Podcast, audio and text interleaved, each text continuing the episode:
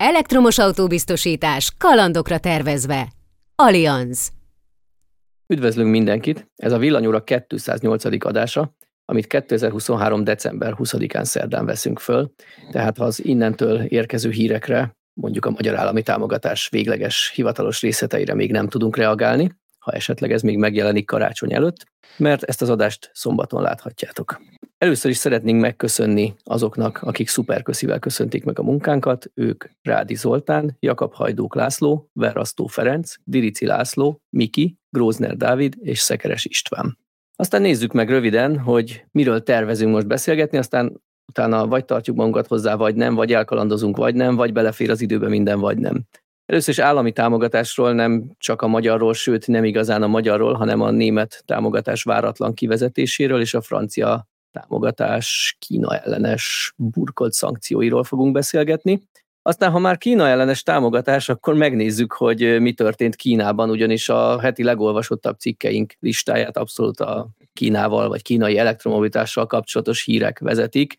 Például a BYD Kínában bemutatott Model Y riválisa, az arany akkumulátor, ami villámgyorsan tölthető, az 1000 km feletti valós hatótávú félszilárdtest akkus NIO, minden hívószó belekerült ebbe a mondatba, azt hiszem. A következő típust, ezt ki sem tudom mondani, segítsetek, Zikr, hogy kell kimondani ezt? Hát Zeekernek hát, mondanám. Szerintem Zeeker, én, én arra gyanítom, azt gyanítom, még én meggondolkodtam, hogy ez a Seekernek lesz a átirat, ami az angol ilyen kereső, kutató szó lehetne. Erre tudok gondolni, de a kínaiakat kell megkérdezni, hogyha várjuk a megfejtéseket, tudod, Magyar Televízió Szabadságtér 17. Szóval, szóval nekik is van egy új villanyautójuk, amelyik kezdi Európát meghódítani, és hogyha elég volt a kínai negyedből, akkor beszélgetünk még arról, hogy újabb nem kis csoport állt be az Egyesült Államokban a Tesla NACS töltőszabványa felé, sőt, még azt is elmondjuk, hogy mit keres egy török elektromos autó Magyarországon magyar rendszámmal. Aztán persze Sőt. legvégül a kommentekre kommentelünk. És mielőtt nagyon belevágunk, szerintem mutatkozzunk be, mert az elmaradt. Hú, ezt elfelejtettem. Nyilván akik látnak bennünket, ők a kép aláírások alapján tudják, hogy kik vagyunk, de aki új és audióba hallgatja ezt az adást, lehet, hogy érdemes a hangokhoz neveket társítani. Én Antaló Citibor vagyok. Bíró Balázs. Én pedig, aki a legtöbbet beszélt eddig, Szűcs Gábor, Szöcske. Lehet, hogy ez így sokkal jobb lesz, nem? Mert a saját nevünket még az adás elején tudjuk, a végén már nem biztos, és akkor nem felejtjük el, hogyha mi mondjuk be. Ez simán meg lehet. Na, beszéljünk az állami támogatásról. Balázs szerintem minden cikket te írtál ezzel kapcsolatban. Hogy történt ez a németeknél? Megirigyelték a magyar jó szokásokat? Szerintem Szöcske most bosszút állhat, mert az utolsó adásban, amikor itt voltam, akkor körülbelül az adás végét szegény Szöcskére hagytuk. Úgy jöttek össze a témák, hogy nem mondtam, hogy ja, ezt is Szöcské, tehát akkor beszélj róla. Úgyhogy most nekem kéne séróból vágni, hogy mit írtam, de megpróbálok visszaemlékezni. Igen, az tűnt fel nekem, ugye az első téma, amiről beszélünk, ez a német állami támogatás elkasztálása, hogy ez valahonnan ilyen deja vu érzetet keltett bennem, a sziklaszilárd magyar jogbiztonságot hát nem tudom, jelentette meg előttem, és hát sose gondoltam volna, hogy Németországban ezt veszik át pont tőlünk, lehetett volna gulyásleves, vagy nem tudom én, bármi más, de úgy döntöttek, hogy ez tetszik nekik. Az történt, hogy ugye a németeknél is változott ennek az állami szabályozása a, a támogatásnak, azt hiszem talán nyáron, vagy valami hasonló volt a legutóbbi változás, de lehetett tudni, hogy az lesz a rendszer, hogy év végéig van X összeg, aztán jövőre még van a támogatás csökkentett összeggel, és 2024. december 31-én ér véget. Meg is dicsértük a, a németeket, hogy hát milyen ügyesek, hogy így előre kiszámítható, mindenki tud tervezni. Hozzáteszem, hogy nekem sosem tetszett teljesen az ő rendszerükben, hogy nem az autó megrendeléséhez volt ez kötve időpontban, tehát amikor változnak ilyen dátumok, hogy mikor mennyi a támogatás és ki mire jogosult, hanem a kiszállításhoz az átvételhez, már pedig azt tudjuk, hogy az elmúlt időszakban hát elég hosszan el tudott nyúlni, és nem is igazán a, a vásárlónak a hatáskörébe tartozik, hogy ő mikor kapja meg szerencsétlen az autót. Na de a lényeg az, hogy most szombaton, elmúlt szombaton, tehát amikor ezt hallgatjátok ezt az adást egy héttel előtte, egyszer csak kiadott egy sajtóközleményt az illetékes német minisztérium, hogy hát akkor most vasárnap éjféllel vége van, úgy komplettül a támogatásnak. És technikailag még csak az sem működött volna, hogy akkor még vasárnap gyorsan csomóan elmennek a, a kereskedésben már, amelyik vasárnap nyitva van Németországban, mert ugye azt számít, hogy mikor helyezik forgalomba az autót, mert pedig a hivatalok nem működnek a hétvégén. Tehát ez azt jelentette, hogy igazából előző évfélkor lett vége az állam támogatás, akkor mondom egészen magyar viszonyokat idéző megoldás. Nekem az indoklás szúrt egy kicsit szemet, hogy a valami olyasmi volt, hogy a COVID elleni helyreáll, na, szóval a COVID utáni helyreállítási alapból származó pénzből finanszírozták ezt ők, és úgy döntött az alkotmánybíróság, hogy ezt nem lehet, más forrást pedig a költségvetésben nem különítettek el rá, tehát gyakorlatilag azért kellett felfüggeszteni azonnal, mert nincs pénz. De akkor a jövő évi költségvetésben már különíthetnének el, tehát um, Miért nem, nem, tudom, nem ástam, igen, nem ástam bele magam nagyon mélyen a német belpolitikába, de amennyire utána olvastam, mondom, hogy érintőlegesen, hogyha valakinek pontosabb információ van, nyugodtan írja meg nekünk a kommentekben. Üm, igazából az volt, hogy az Alkotmánybíróság most elég sok döntés hozott, például, azt nem tudom, olvastátok a napokban, hogy Berlinben több száz választókerületben meg kell ismételni az előző országos választást, most így nem is tudom, talán két évvel a, a választás után. Úgyhogy emellett hoztak egy olyan döntést is, ez még november 15-re egyébként csak nem nagyon figyeltünk mi rá, hogy nem működik az, hogy az állam úgy dönt, hogy ami most nem tudom, megmarad, vagy, vagy elvileg Covid-nak lett megszavazva 21-ben, azokat a forrásokat ő másra fordítja, például klímacélokra, még akármennyire nemes is ez, ez nem erre volt jóváhagyva a parlament által. És hát ekkor történt az a, az a probléma, hogy rájöttek, hogy oké, okay, de más forrás erre nincsen, és egyébként is állítólag uh, ilyen komoly tárgyalások mentek a koalíciós pártok között, hogy mi legyen jövő költségvetéssel, mert nem akarták a hiányt növelni, és ezért nem tudnak plusz forrásokat erre biztosítani. Mondjuk ez kicsit ellentmondásosnak tűnik, hogyha ha ezt a döntést meg tudta hozni a, a kormány, koalíció, gondolom ők hozták a döntést, akkor ennyire hozhattak volna olyan döntést is, hogy oké, okay, korábban nem erre szavaztok meg ezt a pénzt, de akkor ami még fennmaradt ebből a pénzből, azt akkor szeretnénk erre szállni, nem? gyanítom, hogy ez a parlament jóváhagyása kellett volna, de mondom, azért nem akarok csak ebben bevenni, a fogalmam nincs érészetesség a hmm. német uh, politikai rendszer működéséről, de valószínűleg az van, hogy ugye ott azért követik a szabályokat, és nem lehet csak akármire elhasználni. Úgyhogy ez, ez van mögötte, de hát akármi is a, a, a történetnek a háttere azért az tényleg égbe kiáltó botrány, ha belegondoltok a, most ne is az autógyártókat vagyunk be, nekük se kellemes, de a vásárok szempontjából, hogy ugye valaki tervezett azzal, hogy ennyi, ennyi, ennyi pénze van mondjuk az autó megvásárlására, és kap hozzá még maximálisan, ha jól tudom, idén 6750 eurót, ami azért nem egy apró tétel, főleg, hogy ez a nettó 40 ezer alatti autókra volt érvényes, tehát valószínűleg olcsóbb autóknál azért ez már egy elég jelentős része a vételárnak, és akkor most ott áll, hogy hát leszállították az autót, úgy venni át, de támogatás már nem lesz. Hát igen, ez, ez tényleg elég nagy kitolás. Ilyen szempontból bár, hogyha ha igazak azok a hírek, amiket megírtál, szintén talán ma reggel jelent meg, hogy Köszönöm a bizalmat, autók, autók jó, hát nyilván nem tudhatjuk, hogy azért a, a, a, szerintem nagy igazság. Me, megtettem nem, mindent. Megtettem nagy titkot nem árulok el, hogy azért a, a, a, a sajtóban megjelenő hírek egy jelentős része úgy hazugság, ahogy van, és nem azért, mert mi hazudni akarunk, hanem egyszerűen ilyen, ilyen világban élünk, ahol, ahol mindenki igyekszik torzítani a, a, az igazságot a maga, maga irányába.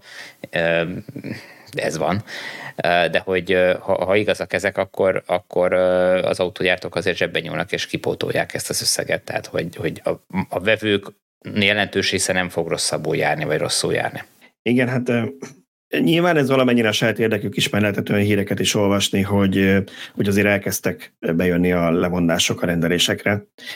És ugye már eleve arról beszéltünk, hogy mindezzel együtt is, meg az évvégi hajrával együtt is, ami eredetileg is volt, mert ugye jövőre kevesebb lett volna a támogatás, csökkentek a megrendelések a, a német piacon az elektromos autókra, meg ugye általában szerintem mindenre.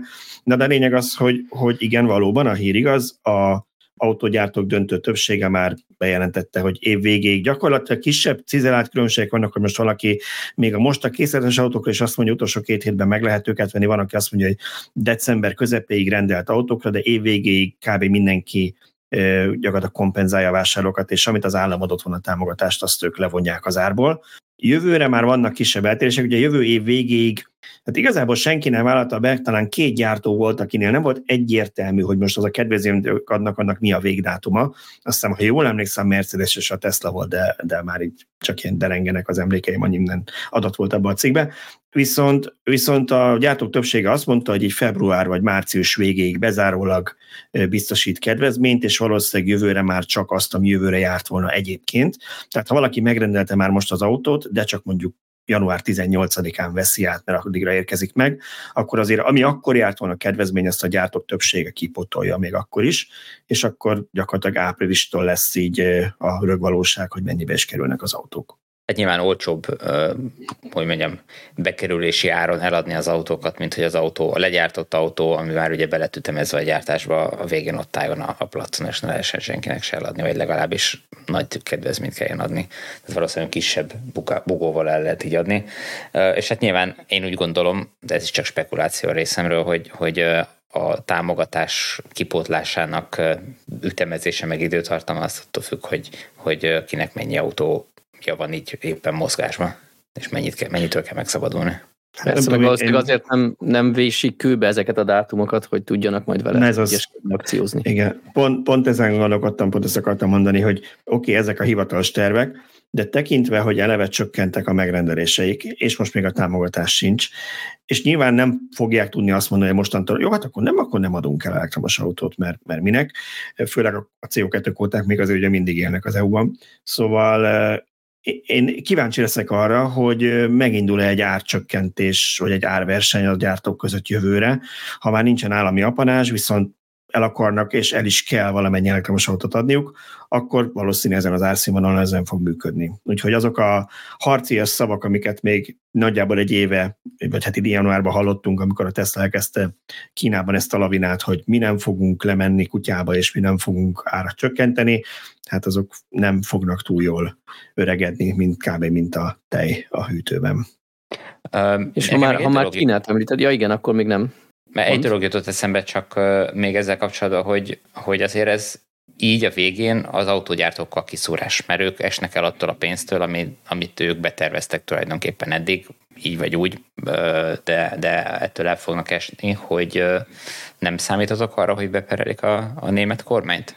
Nem hát én szerintem akár még, akár még a, a vásárlók részéről is lehetnek ilyen perek, nem csak a vásárló nem fog rosszul járni. Is. De, de mondjuk jövő régen, tehát ha valaki azt tervezte, hogy megvan rendelve az autó, és mondjuk májusban kapná meg, és ő májusra uh-huh. tervezett, májusra már kb. senki nem vállalja ezt a kedvezményt. Uh-huh. Én el tudom képzelni, hogy lesznek ilyen perek, nem tudom, mi erre jó megoldás, de, de az autógyártókkal kapcsolatban meg az van, hogy persze lehet azt mondani, hogy hát van nekik elég profitjuk, de azért azt se szabad figyelmen kívül hagyni, hogy a legtöbb gyártónál még nem nyereséges, hogy minimálisan nyereséges csak az elektromos autógyártás. Ugye a Stellantis-tól nemrég hallottuk, hogy állítólag ők már nem veszítenek pénzt az európai elektromos modelljeiken, a Volkswagen nagyon óvatosan nyilatkozik ez ügyben, és hogy a legtöbb gyártó meg nem nagyon szokott erre megosztani semmit. A Volvo még az, aki elég bátran jelenti, hogy mennyi, és, és nekik, is, nekik, nekik azért már van rajta haszon. Na de a lényeg az, hogy nem tudjuk, hogy ezekkel a típusokon azért ők konkrétan mennyit tudnak engedni, dolog, hogy akarnak-e, de hát, hogy azért mínuszosan csak nem szeretnék adni. Én nem is anyagi szempontból nézném ezt, hanem inkább jogi oldalról, hogy ugye itt ez tényleg eléggé erősen sérült a jogbiztonság ezzel a, a tolvonással, úgyhogy szerintem ez egy, egy normális jogállamban ez megér egy pert ezeknek a, a, a nagy cégeknek szerintem. Nem tudom, mire lehet menni vele, tehát abszolút nem vagyok járatos. Ezen Nekem még itt egy dolog volt. Az igazságérzetem ezt súgja, hogy ők, ők ebbe bele fognak állni. Nekem még itt egy dolog volt érdekes, bocsánat, hogy tudom már menni át a következő témára, de még egy dolgot azért be akartam ebből hozni, mert én azon gondolkodtam, hogy talán emlékeztek rá, mert nyilván minden cikkemet olvassátok, és talán még én is emlékszem rá, mert minden emlékszem, amit valaha megírtam, hogy pár hete írtam arra, hogy a német autógyártók találkoztak a, a német kormányjal, volt egy ez tényleg ilyen egy-két hete, tehát nem olyan nagyon régen. Van egy ilyen, most nem tudom, hogy éves meeting, de rendszeres meeting a felek között, sőt, azt hiszem tavalytól már a Tesla is benne van a Giga Berlin miatt, és mindenki tényleg leülök, és hát az elektromobilitásról beszélnek. Aztán ennek van egy hivatalos dolog, ami ebből kikerül, hogy mit, miről beszéltek, meg van egy része, ami szerintem valószínűleg a színfalak mögötti tárgyalás. Nekem az a furcsa, hogy akkor ezt még a koalíciós pártok nem tudták. És én először arra gondoltam, hogy lehetséges az autógyártók kaptak erre egy ilyen heads upot, hogy figyeljetek oda, mert itt valami lesz.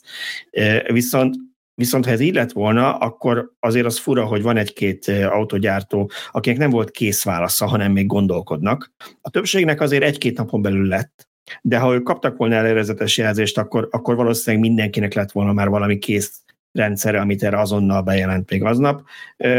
A másik része viszont az, hogy ha nem tudtak róla, akkor most az a kormányzat számára tényleg most derült ki múlt hét szerdán. És amikor egy hét elte leült a teljes német autóipar, akkor nem tudott, és nem szólt nekik. Azért az így elég gáz. Hát meg azért meglepő, hogy a, a német, szóval én azért gondolom, hogy nem tudtak róla akkor, vagy nem árulták el akkor nekik, mert ö, azt láttuk, hogy azért mindenki szivárog a német autóiparba, pláne, hogyha ilyen sokan ülnek egy asztalnál, akkor biztos lesz valaki, akinek eljár a szája. Elképzelhető, igen. Na de mi van Kínában? Nem is Kínában, Franciaországban mi van, még először arról beszéljünk, a franciákat be fogják eperelni a kínaiak, ugyanis Franciaországban is változik az állami támogatás, és nem csak felső határhoz kötik, hanem egy nagyon-nagyon ügyes trükköt találtak ki ők arra, hogy a kínai gyártókat büntessék.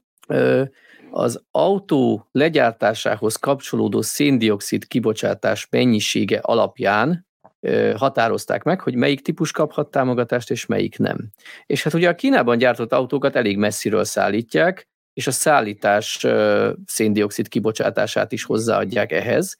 Arról nem beszélve, hogy azért Kínában még talán valamivel magasabb a széndiokszid kibocsátása eleve az energiatermelésnek is, mint Európában, bár ebben egyre jobbak.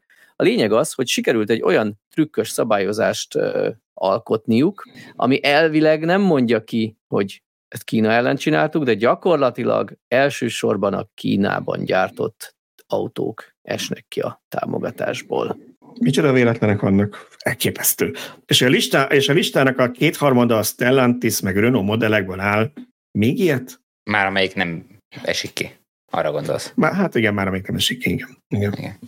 Ügyesek. Tehát szerintem erről nagyon sokat nem érdemes beszélnünk, de mindenképp meg akartam jegyezni, hogy, hogy milyen trükköt. Én azért egy picit, picit beszélnék róla, mert Nekem azért több kérdés is felmerült bennem, amikor olvastam ehhez, meg ugye a francia nem tudok, de a Google Translate segítségével meg elolvastam a, a hivatalos anyagokat is erről, amennyire lehetett, meg hogy mi az új támogatási rendszer. Ott voltak ilyen nagyon komplex matek, képlet, matek képletek, ahol nekem ilyen PTSD jött elő a matematikai tanulmányomról, és úgy, hogy volt feladtam, és ettem inkább valami érességet.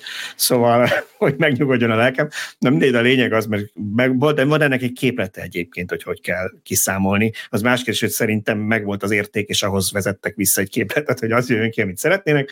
Na de egy GPT-nek az... ezt szeretnénk visszakapni. Igen, hát, igen akár, akár még ez is lehet, igen igen, igen. Szóval, hogy az alapelv szerintem egyébként tényleg támogatható, hogy azt mondják, hogy jó, hát azért ne az legyen már, hogy, hogy környezetszennyező elektromos autókat támogatunk, mert ugye amiknek nagyon nagy az, az ökolábnyomuk, oké. Okay. Van ennek ugye egy ilyen világkereskedelmi vonzata, hogy papíron ez igazából nem támadható, mert nem azt mondták, hogy a kínaiak nem, hanem húztak egy határtéket, hát az a határték pont úgy jött ki, hogy hát az action, hát ez van. Úgyhogy nem biztos, hogy ezt olyan egyszerű támadni, aztán ezt majd a kínaiak jogászai eldöntik. Én inkább itt azt mondtam, hogy hát azért Kína egy elég nagy hal, és utána néztem, és most nem akarok hülyeséget mondani, hogy nem fog számot mondani, hogy hány milliárd euró Franciaországnak az exportja Kínából, ami 25-re emlékszem, de az lehet, hogy nem is jó szám. A lényeg az, hogy ha akarnak, akkor ők is tudnak ilyen szabályozásokat hozni, szerintem, hogy mondjuk pont a franciáknak fájnak kérdés, hogy akarnak-e. Na, de ami ennél is érdekesebb ezzel kapcsolatban, hogy ha valaki ennek utána néz, akkor azt látja, hogy összes külföldi sajtó egy egy egybe átemelte valahonnan azt a mondatot, hogy hát ez azért van, mert hát a kínai autók nagyon környezetszennyezően gyártják, mert nagyon, ö, nagyon piszkos a kínai elektromos hálózat, és hát bizony, hát sajnos, hát ezért, és hát milyen jó, hogy ezt csinálják. Na most azért ennek igyekeztem utána nézni, és nem annyira alaposan, mint Laci szokta, hogy Laci, hogyha ezt hallgatod, nyugodtan írd meg te is a kommentekbe, hogy hülye vagyok, és mi a valós szám. De hogy én azt találtam, hogy nagyon-nagyon nem mindegy, hogy milyen adatot veszel a kínai energiatermelésből. Egyrészt, mert az ország északi fele és a déli fele, és by the way, a déli felén van a legtöbb autógyár, meg Shanghai is, meg a akkugyárak, meg minden, között nagyon nagy a különbség. Északon sokkal szennyezettebb. Vannak olyan tartományok, ahol majdnem 1000 gram, tehát 900 sok gram, például az mondjuk, mondjuk az észak nyugat mongol, az a mongol, valamilyen mongol terület, mindegy, a lényeg az, hogy ott 900 sok gram CO2 per kilogramm az érték, hogy valaki mondjuk ezt ugye mészketi Magyarország ilyen 220 körül van az éves, ha jól emlékszem, na de a déli ország részben vannak ilyen 250-260-as értékek is, ami már ilyen magyar értéknek felel meg, és azt is tudjuk, hogy például a CATL-nek van egy olyan akugyára, ami közvetlenül egy vízi erőműből kapja az energia szükségletét, tehát annak, ha nagyon akarom, azt mondom, hogy nulla. Nyilván az se nulla, mert egyszer meg kell tépteni ezt a gyárat, de, vagy azt az erőművet, de akkor is a zöld energia. Szóval, hogy nagyon nem mindegy, hogy ezt hogy számolod ki, és itt lehetséges, hogy nem is arról van szó, hogy a kínaiak na, rossz számok jöttek volna ki, mert az MG-nél mondtak egy olyat, hogy annyira egyértelmű volt, hogy ellenük szól az egész, hogy a határidő is olyan rövid volt, hogy ennyi idő alatt képtelenek voltak megfelelő dokumentációt összeszedni, hogy ebbe sem jutottak semmit, hogy az autóikat kvalifikálják. Úgyhogy én el tudom képzelni, esetleg, ha lesz idejük, akkor később még lesznek olyan kínai modellek, amik bekerülhetnek, mert nyilván ott van a szállításnak a CO2 rányom, és az nem tudom, hogy belefére még, de hát el tudom azt képzelni, vannak olyan kínai autók, amik igenis az európainál nem rosszabb CO2 értékkel rendelkeznek gyártás szempontjából. Például, amit néztem, hogy a kínai átlag tavaly az 500 g körüli érték volt, ami nem egy szép szám, na de az nagyjából annyi, mint Csehországé, ami szintén nem egy szép szám, és ott azért voltak cseh gyártású modellek ezen a listán. Oké, okay, azokat nem kell Kínából idehajózni. Igen, az idehajózás lesz itt, mert ha jól emlékszem, azt olvastam a cikket, hogy a Dacia Spring is kiesik, ami uh-huh. a Renault csoport nevében, de egy Kínában gyártott modell, és nagyon-nagyon népszerű is volt Franciaországban, ha jól emlékszem. Vagy hát, ha Igen. nem is extrém, de, de azért, azért szerették és vették. Na de ugyan most nagyon szép átvezetés lenne, hogy beszéljünk a kínaiakról, vagy van még ehhez hozzáfűzni való, Tibor?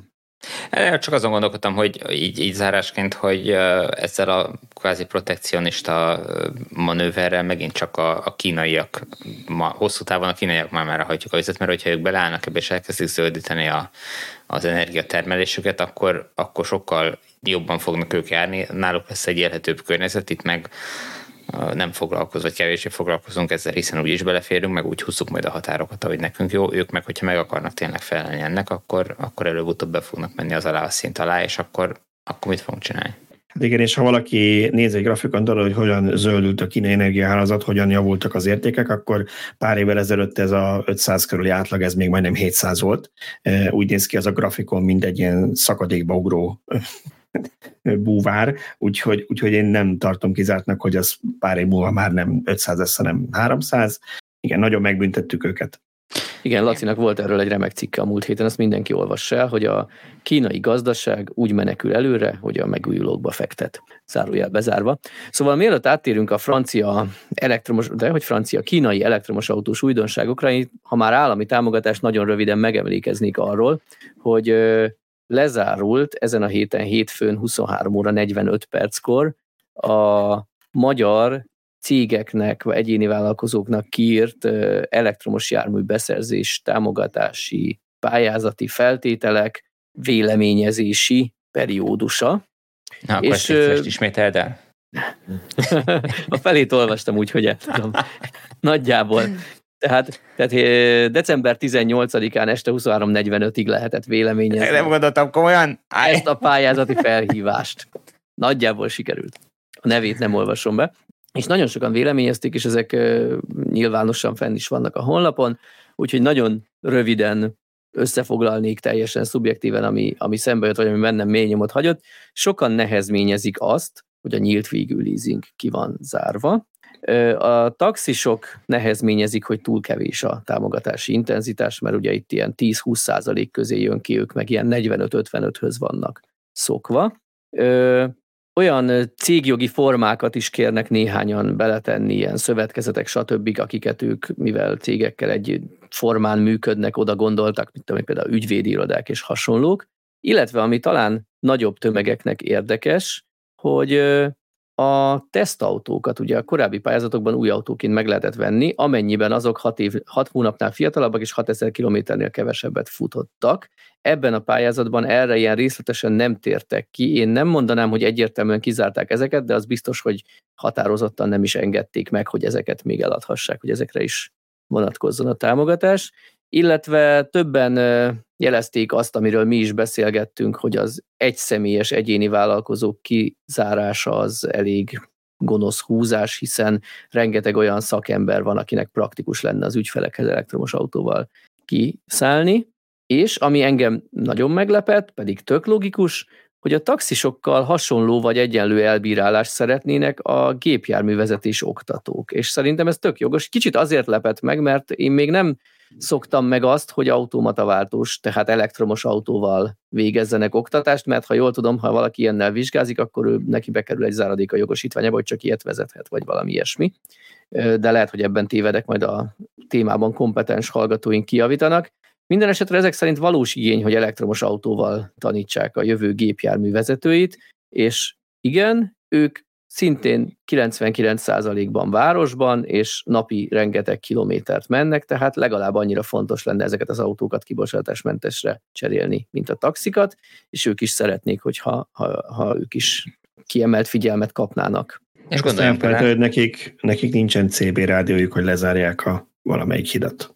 Igen, de gondoljunk bele, hogy, hogy aki villanyautón tanul meg vezetni, és utána majd átültetik egy dízelbe, hogy na itt van, vezesd ezt, akkor, akkor ez neki mekkora sok lesz. Úgyhogy szerintem ez ilyen üzenet szempontjából sem rossz, hogyha ha többen elkezdenének villanyautón vezetni, tanulni. Hát igen, nyilván meg tudjuk majd, hogy mi lesz a törvénynek a végleges változata, tehát azt nem tudjuk, hogy, hogy mennyit fogadnak be esetleg az észrevételekből az majd elvárik. Én hallgattam, mindenfajta előzetes gonosz megjegyzéssel szemben én hallgattam a múlt heti adást, és, és a kommentek kapcsán beszéltetek erről, és egy picit kötözködnék Szabolcs, hogy azt mondta, hogy hát ő szerinte felesleges egyáltalán a magánszemélyeket támogatni, és a cégeken keresztül sokkal több embert el lehet érni. Én nem a cégektől sajnálom a pénzt, mert ha lehet, akkor támogassanak mindenkit. Én inkább csak onnan közelíteném meg, hogy azért a cégeknél még mindig az van, hogy ők többféle módon tudnak elszámolni egy autót költségként, a leasing díjat, tehát egy az áfát van, amelyik vissza tudja igényelni, tudom, hogy talán ebben a támogatásban most erre nem lesz lehetőség, de hogy azért ott vannak erre eszközök, pont a magánszemély az, akiből azért van nagyon kevés autóvásárló eleve, mert ugye zsebből kell finanszírozni, amikor a leadózott jövedelméből nem tudom én kincstárgyat vett, vagy mondjuk azon pont nincsen kamatadó, de hogy minden máson van kamatadó, tehát még abból is adott fizet, amit azon esetleg nyert, és akkor ebből fizet áfáson valamit, amiből egy filért nem tud ö, elszámolni Úgyhogy én még mindig azt sajnálom leginkább, hogy pont a magánszemélyeknek nem adunk erre segítséget. Szabolcs ugye azt mondta, a példának azt hozta fel, hogy de hát akkor megint a tehetősebb réteget támogatnánk, mert hogy nyilván ők tudnak villanyautót venni, de hát eleve ők, ők vesznek autót is, és én itt azért arra hívnám fel mindenkinek a figyelmét, hogy nagyon fontos szerintem, hogy külön válasszuk a szociális alapon adott támogatásokat a környezetvédelmitől. Mert ha valami szociális alapon jár, akkor mondjuk azt, hogy roncsprémium van csak Magyarországon, és például, hogy kicsit visszakapcsolják ez a francia hírhez, ott azért volt egy nagyon szimpatikus új rendszer. Azt mondták, hogy aki az a család, amelyiknek évente 15 ezer euró alatti jövedelme, hogy nekik az állam kedvező leasinget biztosít, ahol bizonyos méretű autóknál 100, nagyobbaknál 150 euróban van maximalizálva a havi törlesztő rész. Tehát lehet ezt így is csinálni. Na mindegy, a lényeg az, hogy, hogy, hogy én arra leszek kíváncsi, hogy, hogy végülis mennyit fogadnak be ezekből a javaslatokból, mert biztos, hogy lesz köztük olyan, amelyik javítana ezen a rendszeren. Csak nem kötözködésből küldte be mindenki. Szerintetek mennyi ideig fog kitartani ez a, ez a keretösszeg, amit most meg van hirdetve? Hát tovább Szerintem sokáig. Sokáig. Én, én kire, mennyi, mennyi 90 milliárd van rá, mit mondtak? Ö, nem, 30 Vagy milliárd van ebben a programban, nem? Ebben a programban. Igen. Akkor több program volt, amiről szó volt. De hát a 30 milliárd is pont 10 annyi, mint múltkor, ami volt a 3 milliárd. Igen, Igen. A, a fennmaradó összeg egy része az töltőtelepítésre megy majd, és még van egy olyan, olyan keret, vagy egy olyan ö, rész, amit nem tudjuk valahogy úgy elveszett a kommunikációban. Én abban reménykedem, hát ez hogy egy külön pályázat lehet. Másik programban. De ezt leírták valahol, vagy ez csak ilyen plegyka szinten? Uh, részben leírták. Ugye az volt, hogy először az jelent meg még nyár végén, hogy 30 milliárd autóvásárlásra cégeknek, 30 uh-huh. milliárd töltőtelepítésre. Igen. Aztán a követ, következő kommunikáció, ami nem közlöny volt, hanem csak ilyen Facebookon megjelenő nem tudom, megmondás. papucsos TikTok videó, igen. Igen, igen, hasonló. Abban már szélesítették a pályázók körét egyéni vállalkozókkal, tehát ott már látszott, hogy puhulni fog. Majd megjelent a közlönyben olyan, hogy ez a 30 milliárd felemelkedik 40-re, uh-huh. mellette megjelenik egy 20 milliárdos keret, ami a flotta kezelők számára kedvezményes hitel, tehát ilyen kamattámogatás ilyesmi lesz, és marad a 30 milliárd töltőkre. Na most a 40 milliárd az visszaváltozott 30 milliárdra erre a felhívásban, amit most véleményezni lehetett. Meglátjuk, hogy mi lesz a végleges szám, 30 vagy a 40. Lehet, hogy lehet, hogy ez még egy elírás, és akkor ez 40 lesz igazából? Nem, nem tudom, ugye, mert az első szám 30 volt, a következő 40, most uh-huh. újra 30, ezt mi nem tudhatjuk, majd meglátjuk a végleges felhívásban mi lesz. Illetve mivel egy külön pontban volt felsorolva nem csak a töltő, hanem a flotta kezelő kamattámogatása is, az simán lehet egy teljesen független pályázati mhm. felhívásnak a része, ami majd a későbbiekben fog megjelenni. Tehát akkor ez lehet, hogy akár mit egy év, következő év végig, tehát 24 végéig is kitarthat ez a, a, a hát a ugye valami egészen 26-ig lehetne program. vásárolni ezzel autót, vagy uh-huh. 26-ig befejezni, és 25, azt hiszem március 31-ig lehetne Igen. benyújtani idén február, vagy jövő év februártól. Tehát én nem lepődnék meg, ha kitart. Itt nagyon-nagyon sok fog múlni a részleteken. Ugye többen kérik, hogy a nyílt végű leasinget valahogy tegyék bele a pályázati lehetőségek közé. Mi a komoly különbség? Hogy a leasingnél ö, részben az áfát is el tudják számolni költségként. A, Már nyílt végűnél. Nyílt végű leasingnél, igen, így van, és ezért lobbiznak sokan, hogy ez kerüljön be. Mert a jelenlegi kiírásra azt mondja, hogy ha mondjuk egy nettó 20 milliós autóra valaki megkapja a maximális 4 millió forintos támogatást, az kevesebb, mint hogyha ő egy magas céges használatot tud igazolni, és el tudja számolni az áfát, mhm. mert az, az akár több is lehet ennél a 4 millió forintnál, és ott nem kell pályázni, ott nincs kockázat, hogy megkapja vagy sem, nincs macera, ott egyszerűen egy könyvelés technikai eszközként elszámolják ezt.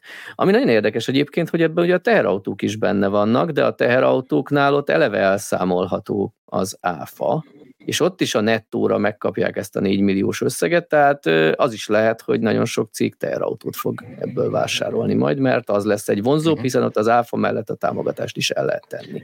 Meg Igen, egyébként itt egy dolog volt még, ami, amit szerintem talán valamelyik kommentelőnk írta, és teljesen egyetértettem vele, hogy azért szomorú ez a, ez a, ez a sok restrikció, hogy milyen vállalkozóra vonatkozik ez, mert pont azok az egyéni vállalkozók maradnak így ki, aki mondjuk nem tudom, a pizzafutárok, vagy meg egyéb hasonló ö, vállalkozók, akik, akik sokat járnak a városban, és valószínűleg nekik nincs annyi bevételük, vagy annyi profitjuk, hogy nagyon drága autókat tudjanak vagy ö, venni, viszont, viszont így tudnának környezetkémű autót venni, és akkor a városban nem egy, nem tudom én, régi dízel pöfögnének, tehát ez, ezzel egyet tudok érteni. A másik része szerintem persze az, hogy reálisan nézve nem tudom hányan tudnának egyébként autót venni, mert ha megnézitek, legalábbis itt nálunk a mi környékünkön ilyen jés rendszámú, vagy még régebbi uh, roncstelpi szökevényekkel szoktak pizzát hozni. Nem tartom valószínűnek, hogy legyen is bármekkora a támogatás, akár mondjuk egy mondjuk a Springnek van ugye ez a a kisáruszállító vázlata, ugye, hogy, hogy, talán azt, hogy azt meg, megérnie, vagy ki, kijönne neki a matek, hogy megvegye még támogatással is.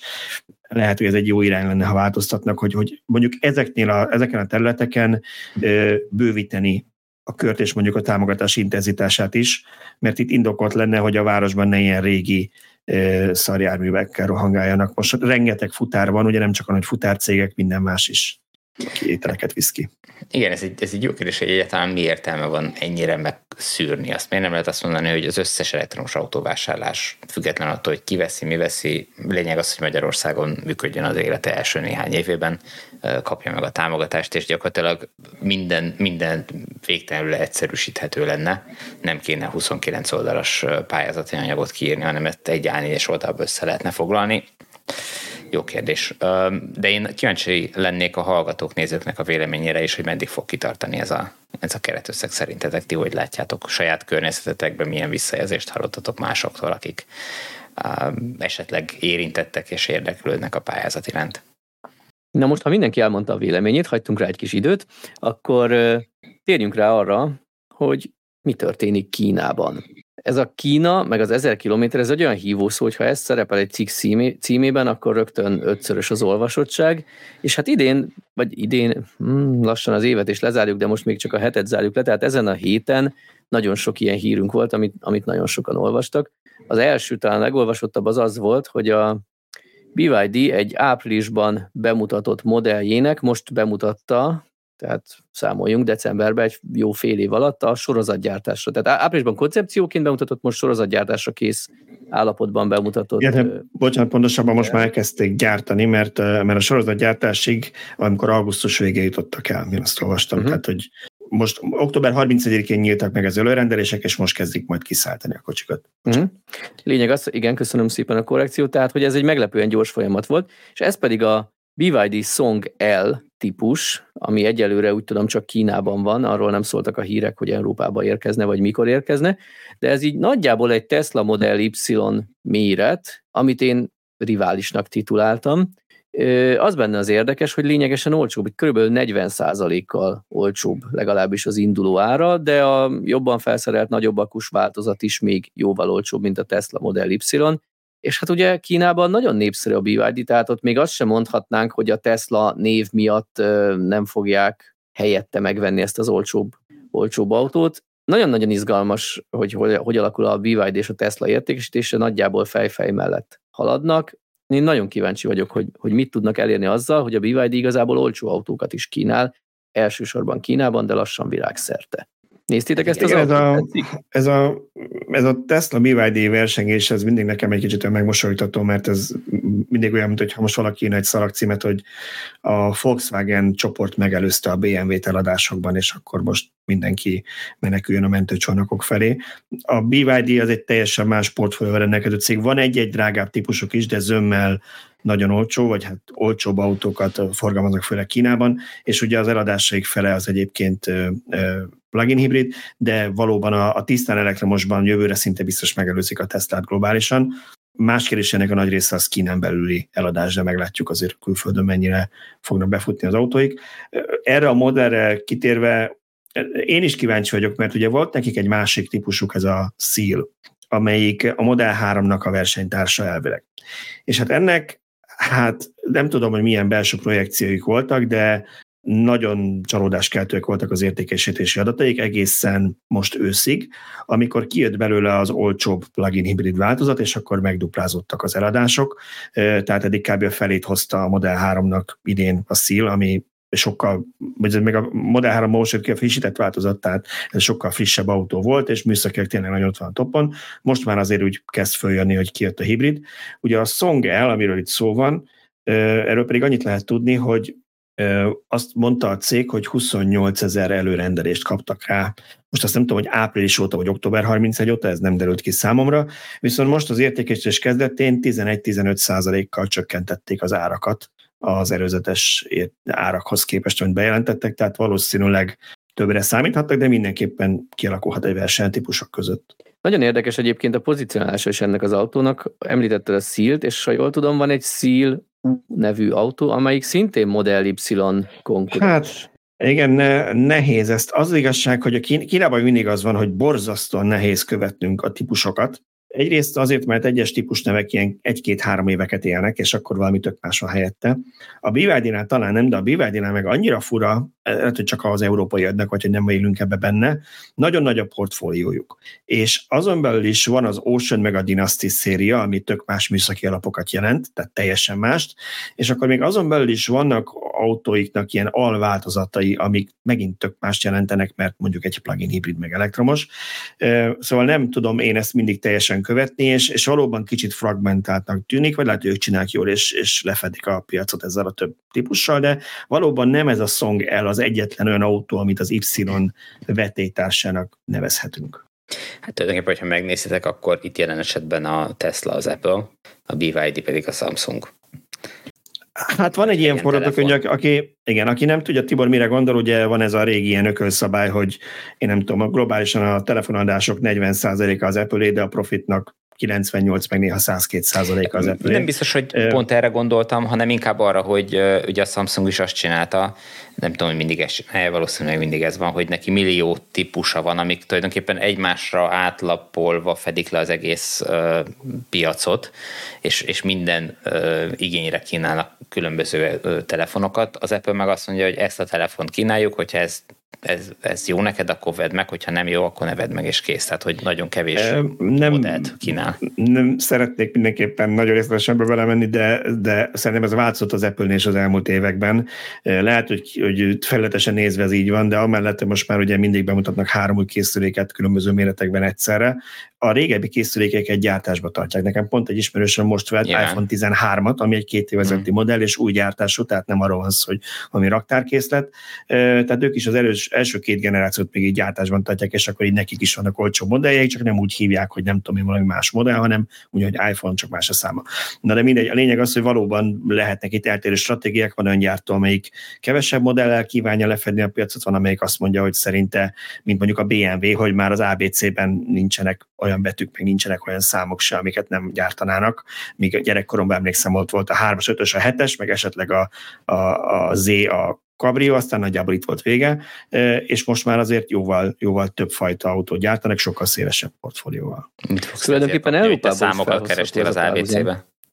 Oké, okay, rendben, lépjünk túl ezen. Majd a kommentek Csak azt akartam még hozzá, hogy Európában is megvan ez a párhuzam, mert ha megnézzük például a Stellantis, többször beszélgettünk arról, hogy van rengeteg márkanevük, és gyakorlatilag ugyanazt az autót egy kicsit más kinézettel, felszereltséggel, minőségérzettel több néven árulják, ez valamilyen szinten megfelelhető a, megfeleltethető a BYD hozzáállásának. Na de nézzük, hogy mi újság akkufronton. A héten ismét volt egy csoda akku, ami 15 perc alatt 100-ról 80 ra tölthető, nem 10-ről 80% ra nagyon tele, szétszórt vagyok, ma tele vagyok ilyen nyelvbotlással, bocsássa meg nekem mindenki. A lényeg az, hogy ez ismét az általam kimondhatatlan nevű Zeekr, Seeker valami hasonló gyártónak az LFP akuja, és itt egy kicsit nekem ellenmondásos, mert eddig pont az LFP-ről tudtuk, mondtuk azt, hogy bár strapabíróbb és olcsóbb, de kisebb az energiasűrűsége, érzékenyebb a hidegre, ezért nem feltétlenül tölthető olyan gyorsan, hanem ideálisak a hőmérsékleti viszonyok, stb. Ennek ellenére most ők jönnek egy 800 voltos rendszerű LFP kémiás akkumulátorral, ami extrém gyorsan 500 kW maximális teljesítménnyel tölthető, és gyakorlatilag 15 perc alatt 500 km hatótávolságot vissza lehet ebbe tölteni, sőt, még valami elképesztően strapabíró ismerők vízbe dobták, tűzbe dobták, úthengerrel átmentek rajta, és még ezután is működőképes maradt. Igen, ez a, a történetnek a második része, ami én egy picit ráncoltam a, a szemöldökömet, és úgy nehezemre esett elhinni azt, hogy ez a felvételek a valóság minden részletét kibontották, de a maga az, hogy az RFP kémia nem tölthető olyan gyorsan, nem tudom, hogy, hogy a nagy teljesítmény, nem tudom, hogy ennek van-e tényleges fizikai oka, én úgy gondolom, hogy ez valószínűleg inkább, amit te is említettél, a hőmérsékletről szól, és hogyha valaki profi hőmenedzsmentet épít hozzá, már pedig a, B, a BYD, bocsánat, a Zikr, ami egyébként ne írjuk ide, hogy Zikr, nem tudjuk micsoda, mert ez Gili, ami Gili meg azt jelenti, hogy Volvo, tehát hogy ez akár még egy Volvo-ba is megjelenhet, nem csak az Zikr-ökbe itt Európába. Szóval a lényeg az, hogy azt akarom csak mondani, igen, hogy, hogy, hogy azért az IKR kiemelte, hogy milyen jó a hőmenedzsment rendszert találtak ki ez az akkumulátorhoz, meg igen, valóban milyen az energiasűrűsége, úgyhogy szerintem ezek azok az akuk, amikre én ezekre az akukra várok sokkal jobban, mint a szilárdtestre, mert a szilárdtestet majd látjátok a 200 dolláros csúcsmodellekben, és lesz belőle kezdetben évi 1000 darabra elég kapacitás gyártásban, és még az sem biztos, hogy minden tekintetben jobbak lesznek első generációban, mint a, addigra sokkal fejlettebb hagyományos aksik, meg ha elég nikkelt tud valaki vásárolni és hozzáadni a kémiához, akkor ott meg tök jó töltést lehet mutatni, meg energiasűrűséget, na de az, hogy olcsón adjál valamit, és jól lehessen tölteni, és trapabíró is legyen, ez az a kombináció, amire nagyon szükség van, úgyhogy én nagyon örülök nekem, amikor ilyen akkumulátorokat már nem csak egy koncepciós szinten, hanem sorozatgyártásra éretten látunk. Úgyhogy hajrá! Utolsó mondatot volt a lényeg, én ugye úgy vezettem ezt fel, hogy a heti csoda akku, mert minden héten bemutatnak, bejelentenek egy ilyet internet szerte, ez viszont már gyártásban van. Igen, egyébként Igen. hasonló, hogy bocsánat, Tibor. A kínai ö, ipar nagyon ráfeküdt erre a ö, erre az akkumulátor típus az LFP-re. Ö, nem csoda, hogyha ha elérnek ilyen eredményeket szerintem, tehát nem, nem kéne, hogy meglepődjünk rajta. Igen, hasonlóan jó értékeket várunk, pontos paramétereket nem lehet tudni a CATL-nek az M3P nevű akkumulátorjáról, ami most fejben már nem tudom, de megvan, hogy melyik kínai márka kapja meg elsőnek jövőre kerül, az is gyártásban, vagy hát pontosabban tömeggyártásban, mert már szerintem a sorozatgyártásig eljutottak. Aztán régi pletyka, hogy elvileg ez fogja a Teslákban is váltani a mostani CATL akkumulátort, és ugye az, az is az LFP kémiának egy továbbfejlesztett változata, ami pár egyéb anyag hozzáadással megborondították kicsit, és elméletben az is sokkal jobban tölthető lesz, mint, mint eddig. Úgyhogy reméljük, hogy több ilyen akugyártónak lesz ilyen modell, mert akkor egyre több típusban látjuk. És hogyha a clickbait negyed óránkat folytathatjuk, ugye volt itt szó Tesla Killer kínai BYD-ről, csoda akkumulátorról, mi lesz a következő hívószó az 1000 km valós hatótáv. Ja, meg még a szilárdtestakut is tegyük bele, mert hogy ez egy fél szilárdtest akuval, 150 kWh kapacitású akuval szerelt NIO modell, amelyik nem CLTC mérési ciklus szerint, hanem valós úton megtett 1044 kilométert úgy, hogy még 3% marad benne, amivel még, még 20 kilométert körülbelül meg tudott volna tenni az autó. És hát annyira nem is volt vánszorgás ez az út, 12,4 óra alatt tették meg 84 km per órás átlagsebességgel ezt az utat. Igaz, hogy sosem mentek 90-nél gyorsabban, de mégiscsak meg tudtak tenni töltés nélkül több mint ezer kilométert, ami nekem egy kicsit érdekes benne, hogy pihenőkkel és sofőrcserékkel együtt 14 órán át tartott ez a 12 és fél órás út, tehát volt másfél óra holt idejük, tehát akkor kell ilyen akkor Igazából a másfél órát nem lehetett volna tölteni egy kicsit. Ez egy abszolút jogos kérdés.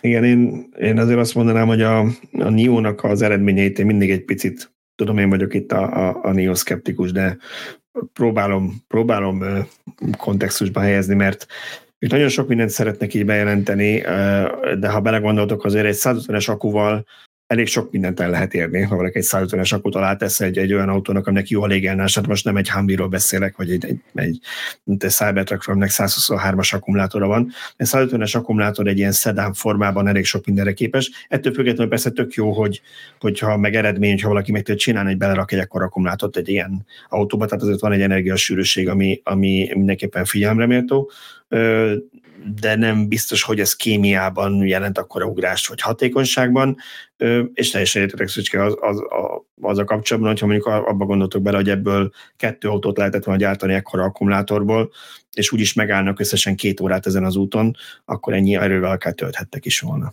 Ebben teljesen igazatok van, én viszont ennek a, a, a, az átlag autós, meg átlag felhasználó felé közvetített üzenetét emelném ki, hogy létezik már ilyen autó. Tehát, hogy egy csomó ember ez azt fog eljutni, hogy na, itt van, megérkeztek, végre. És gyártásban van, és, és kapható, és tényleg elment, nem próbapadom meg, meg Excel táblába, hanem a valós körülmények között elment ennyit. Tehát az emberek most már ez alapján sokkal bátrabban várhatnak már ilyen elektromos autókra, mert sokkal könnyebben bemennek egy szalomba, és, és körbenéznek, hogy, hogy na, akkor az ő pénzükért mit is lehet kapni. Lehet, hogy nem fognak kapni 1000 kilométeres hatótávú autót, de, de akkor már nem legyint a villanyautóra. Úgyhogy ha ennyi előnye van, akkor már megérte szerintem.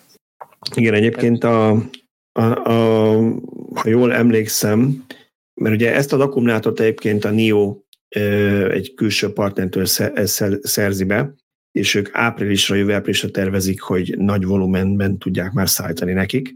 Ugye jelenleg még, még itt azért nem tartunk. Volt, ugye most beszéltünk az IKER-ről nemrég, az IKER-nek is volt már egy olyan típusa, ami 1000 km az CLTC, tehát az a kínai szabvány, ami még a VLTP-nél is messze vár a valóságtól. CLTC szerint 1000 km-re volt képes, és arra az autóról utal derült hogy hát igazából ezer darabban limitálták a, a gyártást, mert hogy annyi akkumulátort tudtak el. Úgyhogy kíváncsi leszek, hogy mit jelent ez a nagy volumen a Nionál, és főleg, hogy milyen ára lesz. De valóban egy ilyen Halo terméknek, amire egy felkapja mindenki a fejét, és azon a plakátokon, annak teljesen jó. Tudjátok, mi lett ez izgalmas, ha ezt összemossuk a NIO akucsere programjával?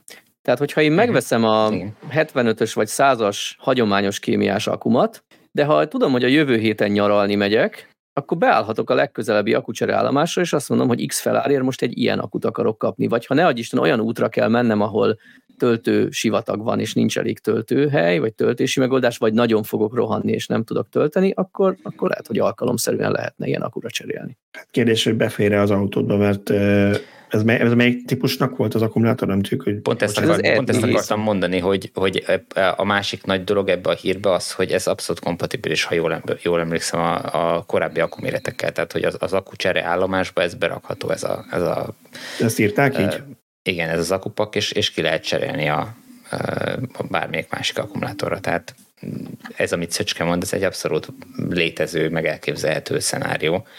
Nyilván, hogy azt nem tudjuk, hogy el fog-e terjedni, de, de ez lehet egy megoldás, és lehet, hogy, hogy ez lesz az a dolog, amire majd az akucsere állomások tényleg jók lesznek, és, és amiatt elterjednek. Nem tudom, a, a Nionak azért jelenleg elég komoly pénzügyi problémái vannak, ugye elég magas a veszteségük, és és már többször kellett behozni most külső tőkét, hogy, hogy felszínen maradjanak, mert anélkül megletek volna számlálva így a, a napok legalábbis nyilván a gazdasági törvényszerűségek szerint, aztán persze, hogy kinyúl, mondjuk a kínai állam a hónuk alá, azt nem lehet sose tudni. Azért ilyenkor mindig ezt érdemes bele, bele kalkulálni ezekbe, hogy amikor egy cég, azt láttuk Nikolánál is, hogy amikor egy cég ennyire egy cégnél ennyire rezeg a léc, akkor hirtelen nagyon nagy bejelentéseket tudnak tenni azért, hogy a befektetői bizalmat megnöveljék, úgyhogy én azért megvárnám a gyártási darabszámokat ebből a csoda meg az árát ennek a csoda de hát elég nagyjából jövő év közepén azért már kell, hogy választ kapjunk, ha áprilisra tényleg elérik a tömegtermelést. Szerintem ezt ők nem, szán, nem nagy tömegterméknek szállják a 150 kWh akkumulátort, tehát hogy ezt nem, nem hiszem, hogy ezzel akarják megmenteni a, a céget. Ez, ez inkább csak egy ilyen, igen, meg tudjuk ezt is csinálni, és igen, én nem, én nem arra gondoltam, használni a, az nem arra gondoltam, ennek az eladásaival mentik meg a céget, hogy ebből annyi bevétel lesz, mert én arra számítok, hogy ez valami réteg termék marad, legalábbis Abszolút. egyelőre. Csak azt mondom, hogy, hogy ennek a hírverésével próbálják ugye pozitív. de a másik oldalon meg ezt szerintem teljesen érthető, hogy csinálta a Tesla is. Nyilván az érthető, hogy valaki... Én is hozni.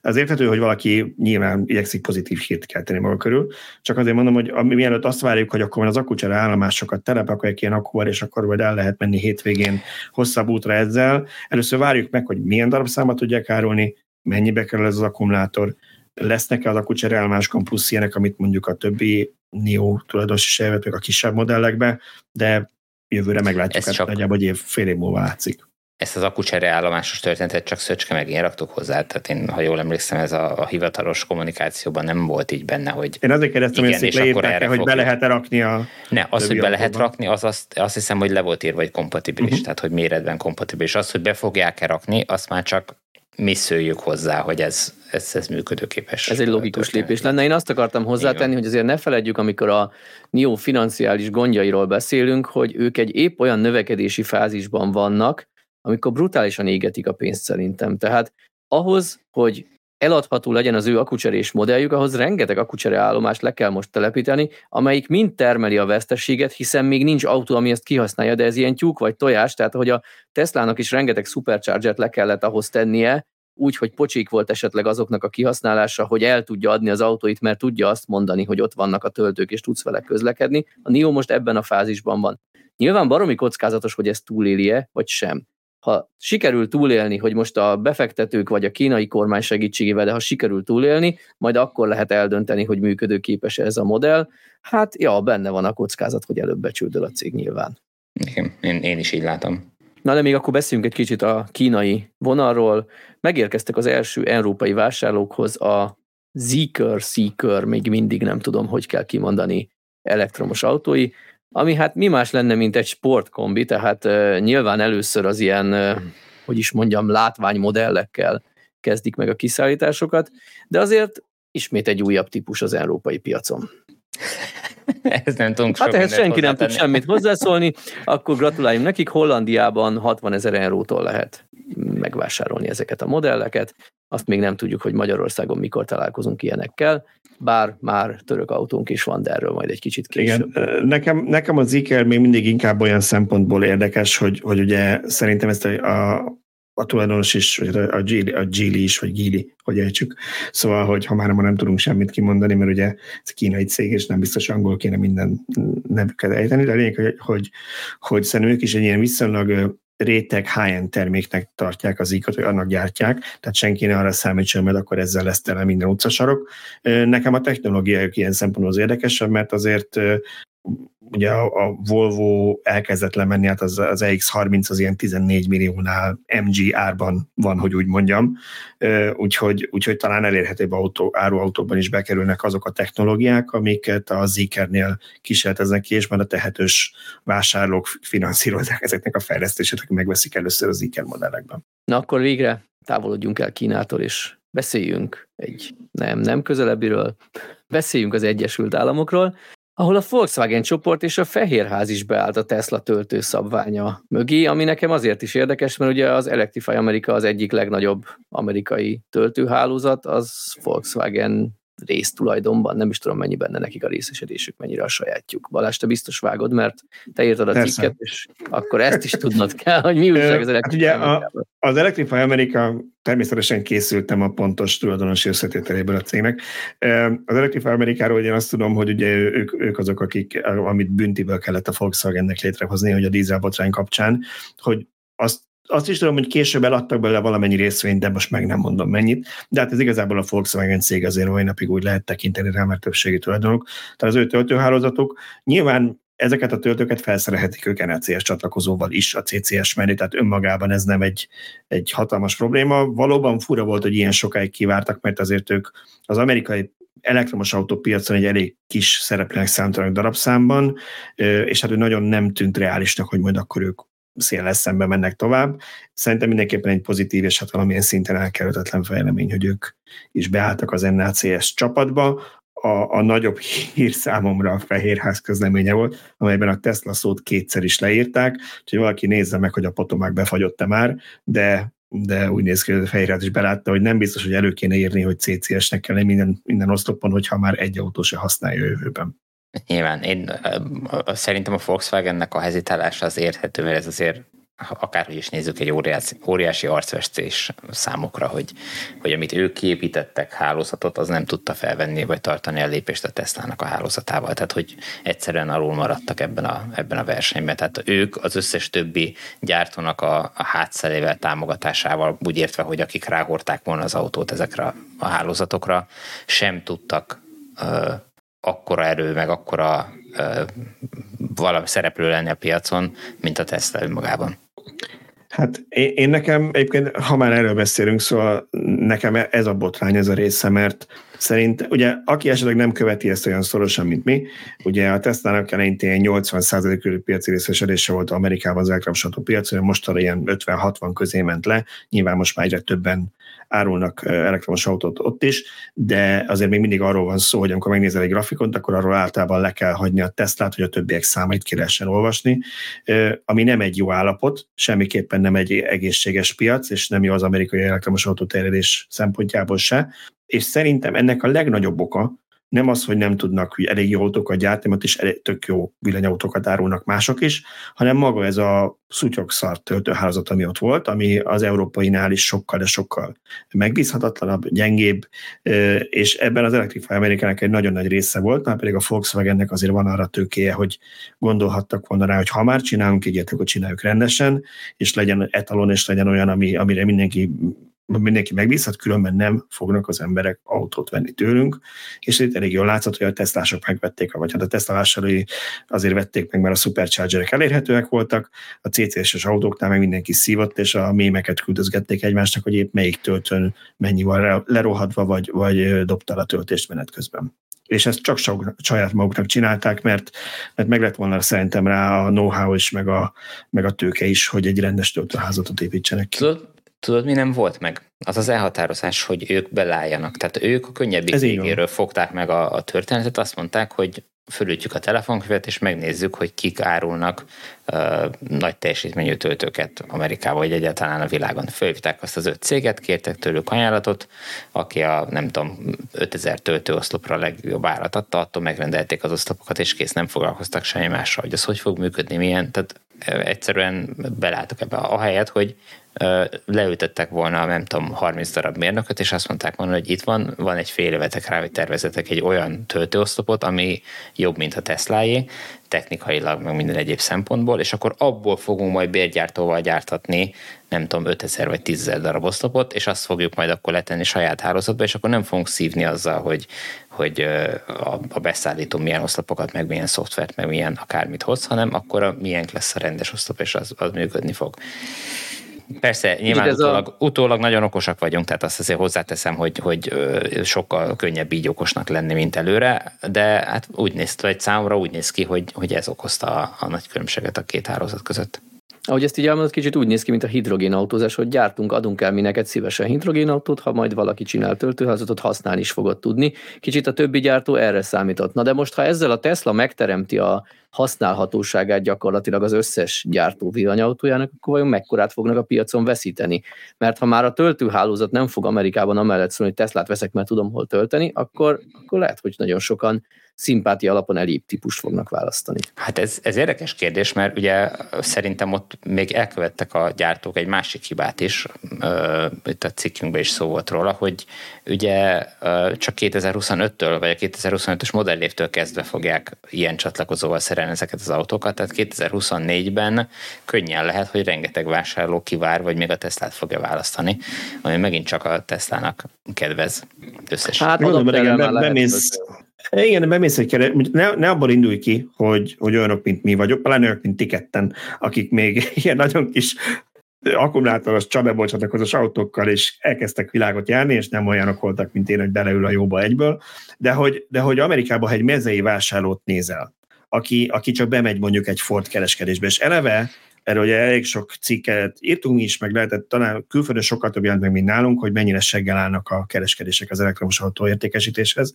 Zárójel nem véletlenül a Tesla nem akart partnereket, nem csak azért, mert hogy a profit az övé, hanem pontosan tudta, hogy ott csak lebeszélik az embereket a villanyautóról. Most ők elkezdték volna két Ford modell, meg három GM-el tárolni az autóikat, akkor egy darabot nem adtak volna belőle, zárója bezárva. Szóval, hogy, hogy hogy bemegy a, a szegény Joe Smith az asszonyjal autót nézni, és akkor nézegetik, hogy hallottak ezek az elektromosokról, meg volt róla a tévéreklám a Super Bowl fél idejében, most akkor ők megvennék ezt, de hogy milyen rosszak a töltők hallottuk, és azt mondja a kereskedő, semmi gond, nem, nem, nem, 25-től már olyan autóink lesznek, amiket könnyen lehet tölteni, Ja, jó, hát akkor lehet, hogy várunk egy kicsit. Szóval én ezt nem értettem, hogy, hogy ezzel kicsit lából lőtték magukat, és én értem, hogy nem olyan egyszerű, hogy hirtelen az egész beszállítói lánc, meg minden cég holnaptól akkor töltőcsatlakozót várt, bár nem tűnik rakétatudománynak hozzáteszem, szóval meg, megnéztem volna, hogy a Tesla-nál folytat esetben mennyi idő átállni egy új csatlakozóra, valószínűleg másfél év lett volna, mint ezeknél a gyártóknál. De viszont és ez volt a hírnek még egy apró része, a Ford meg a GM időközben bejelentette, pontosabban a Tesla jelentette be az ő nevükben, hogy előre hozták a megalapodásnak azt a részét, ami a töltőhálózat megnyitását jelenti, ugyanis ez csak szintén 25-től nyílt volna meg, de már 24 februárjától, tehát két hónap múlva elérhető lesz a Ford és GM autóinak, aztán szépen lassan mindenki másnak is, a Tesla töltőhálózatnak kicsit több, mint a fele adapterrel. Az autók, az autók még CCS-sel jönnek, csak a Igen. Magic Dockkal vagy saját adapterrel lehet majd a Pontosan. tölteni. Igen. És a Ford egyébként nagyon ügyesen, és szerintem idióta az összes többi, aki nem ezt csinálta, mert a Ford azt jelentette be, hogy kiküldik minden ö, vásárlójuknak, akinek van már Ford elektromos autója, ingyen az adaptert. Na most én nem tudom, mennyibe kell az adapter, de tudva, hogy mennyit költenek az előbb említett Super Bowl reklámokra, valószínűleg annak az 30 másodperces spotnak a feléből kijönne, amennyi elektromos autót ezeket eddig eladtak márkánként, hogy kiküldjék mindenkinek, és nem olyan sajtónyilatkozatokat kéne küldni, mint a Volkswagen-nél, akik vizsgálják a lehetőségét, hogy adapter biztosítsanak, eszem megáll. Szóval a lényeg az, hogy ezt kellett volna csinálniuk, és akkor februártól már az autóiknak nagyobb esély lett volna eladni úgy, hogy, hogy itt van az adapter is hozzá, parancsolj, használhatsz 15 ezer Tesla töltőt. Így van, és ez tűnhet tök jó fejségnek is majd a vásárló szemébe, hogy na, ingyen kaptam egy adatot, hogy a, a, a, a kereskedés van azon, hogy és most akciósan ingyen uh, adjuk az adatert hozzá, mivel ezeken a töltőkön kívül még egy másik hálózatét is tudod használni. Szóval, hogy ez, ez tök jó föl lehetett volna építeni, abszolút igazad van uh, benne, uh, és ráadásul itt én, ha jól tudom, akkor a két szabvány között, tehát a CCS és a, a Tesla-nak a szabványa között a kommunikációbeli különbség nincs is, tehát egyszerűen egy forma modulról van szó, ami tehát más formája csatlakozó, ennyi a, ennyi a lényeg benne. Nem kell olyan köröket futni, mint a SADEMO és a, a CCS összekapcsolásakor, amiről egyébként szintén volt cikkünk, nem tudom, erről akartunk-e beszélni, hogy nem volt, nem volt a menüben, de ugye a múlt héten sokat beszéltünk erről a technikai hátteréről a Csademo CCS adapternek, és akkor már említsük meg, hogy annyi fejlemény van, hogy a prototípus Hollandiában már működik, és elkezdte az igényt felmérni ez az úriember, aki megvette az elsőt. Ő, mivel ő ugyanis Kínából importált termékeket forgalmaz a saját cégében, nem tudom, ilyen napelemes akukat és hasonlókat, tehát ez neki egy ilyen mellékszál lesz az elektromobilitás kapcsán, hogy valószínűleg elkezdi Európában forgalmazni ezeket a kész adaptereket. Ha bárkit érdekel, érdekelne, akkor ilyen jövő év márciusára tippeli azt, tekintve, hogy most európai év vége, utána kínai új év, stb. Tehát ott megáll az élet a félvilágon egymás után egy-egy hétre. Ezeket is belekalkulálva olyan márciusra várja, várja hogy megfelelő tanúsítványon ellátott, piacképes, dobozos termék érkezik majd ebből. És ilyen 1000 euró környéki összegért? Ö, hát igen, mondjuk azt, hogy igen. 750 euró körüli árban reménykednek, de még arra jön vámszállítás, áfa, akármi, tehát szerintem ilyen 1000 euró körül lesz a, a mhm. realitás, de az ár nagyban függ attól, hogy milyen mennyiséget tud ő elsőre berendelni, ezért most egyébként toborozza a, az érdeklődőket, hogyha nagyon sokan akarják megvásárolni, akkor valamivel alá kerülhet az ár, de hát én úgy gondolom, hogy mondjuk a 900 és 1100-as intervallumban mozgunk, tehát nem fog 300 euróra ugrani az ár azért, mert most ezren megrendelik. Na igen, én pont ezt akartam mondani, hogy, hogy ha már erről beszélünk, hogy melyik autógyárnak milyen reakció vannak, én tudom, hogy bár még a, Nissan még a mai napig árul csadamos autót hozzáteszem, ugye a Leaf az még mindig azzal készül, az Aria már nem. És ha jól tudom, ezt itt jobban, hogy a, a Kiáknak is eredetileg Európában csademos volt a villámtöltőjük. Tehát én ezeknek az autógyáraknak a helyében lekötnék egy nagyobb darabot ennél a, a vásár, ennél a cégnél, hogyha ez tényleg működik és letesztelik és jó, hogy minél olcsóbban lehessen adni, és akkor ők is a vevőiknek nyilván Nissan akár még most is a Leafekhez adhatná. A másik meg az, hogy a meglévő vásárlóknak olcsóban tudnák kínálni, és ezzel kvázi gesztus tehetne. Nem azt mondtam, hogy milliókat ingyen pénzben tegyenek bele, de hogyha egy nagyobb mennyiséget lekötnének, akkor, akkor azzal már segíthetnék, hogy olcsóban jön a gyártása ennek. Hát elméletben igen, gyakorlatilag nekik kellett volna kiadni. Az a baj, hogy amit én így hát olvastam, igen, elemzést, egyenlőre ez ilyen tipikus kínai termékállapotban van, tehát én azért egy kicsit... Alibabáról megrendeled ingyenes postaköltséggel? Hát, hát igen, kb. az a kategória. Tehát én úgy gondolom, hogy bízunk benne, hogy ez megkap minden európai tanúsítványt és biztonsági jóváhagyást, de mondjuk egy Nissan vagy, vagy Toyota, ugye UX300, Lexus UX300 még mindig szintén csademóval kapható Európában, tehát ők nem biztos, hogy a saját nevük alatt eladnák még ezt az adaptert, ja, tehát illet volna nekik egy sajátot gyártani. Mm, lehet, hogy valami európai szabványt kicsit meg kellett erőszakolni ahhoz, hogy ez működjön, és hivatalosan nem biztos, hogy árulhatná, vagy szeretné árulni ezt mondjuk a Nissan. Hát én szeretné árulni, inkább én, azt, inkább én azt hiszem, de egyébként nyilván a nissan aki árulja az Ariát CCS csatlakozóval, a Leaf-et pedig Csademóval, semmi nem akadályozza meg abban, hogy egy saját minőségi terméket fejleszten és gyártson. Szerintem nekik ez a költségvetésük mellett filléres tétel lenne, és hogy ezt ajándékba adja, vagy értékesíti, vagy nem tudom, vevőcsalogatónak a új Leaf megrendelésekhez csapja hozzá, az már az ő dolga, de én úgy gondolom, hogy igen, ezt illet volna nekik megoldani. Hát vagy, vagy upgrade kit formájába beépíteni az autóba, és azt mondani, hogy ha mit tudom én, itt van félmillió forint, hogyha szeretnéd, akkor a 62-es Leaf-eden lecseréljük a csatlakozó CCS-esre, nem? Hát igen, ha jól emlékszem, ugye a Tesla-knál volt valami hasonló a ST ugye, amit át Igen, de ott ugye adapter, tehát építetni. ott egy retrofit, hogy valamit módosítanak igen. az autón, nem kerül CCS csatlakozó, ugye fizikailag se férne be oda a kis igen, igen. helyecskére, amit neki szántak, tehát ott még marad az adapter, csak az autóz is hozzá kell nyúlni, de így van, valamiért jó lenne megoldani.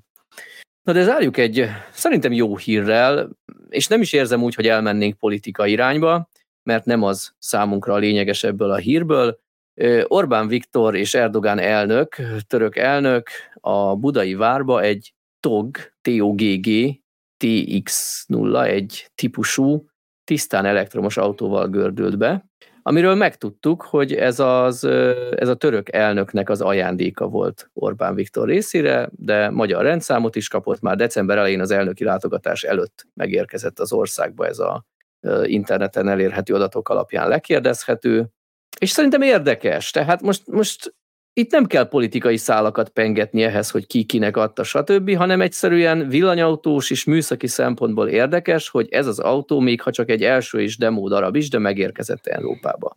És a miniszterelnökség lesz az importőr? Tőlük kell majd tesztautót kérjünk? Tibor azt mondta, hogy nem megyünk el az irányba. Ötleteim nekem is de olyan szinten visszafogom magam, hogy már gyöngyözik a Abszolút félre, de abszolút félreértesz. Én, én csak szeretném kideríteni, hogy kit kell fölhívjak azért, hogy egy tesztautót kapjunk. Megmondjam a cégnek a nevét? Vagy magadtól is kitalálod? Rossz indulatú vagy, azt érzem. Azt érzem, hogy... Csak tapasztalt. De, de nem, mi nem politikai jogból, mi technikai oldalról vagyunk kíváncsiak arra, Igen, hogy a mindenképpen érdekes. Én azt sem tudtam, hogy a törököknél van egy saját villanyautó márka, be kell valljam töredelmesen, tehát engem már ez önmagam Ezt majd kivágjuk ő az adásba, hogy nem olvasod a villanyautósok.hu-t. Mindent én sem olvasok. Én írom, tudod, én, én írom, Tibor, tudod, nekem nincs időm olvasgatni, én csak írom. szóval lényeg az, engem ez is azt, azt nem tudom, hogy Szöcske is csak írja, én is csak írom. Akkor ki a franc olvas bennünket? Hát a anyukáink, hát ki? ja, igaz, tényleg, tényleg, tényleg. Ja nem, ők csuklanak, várjál, várjál, kevertem valamivel.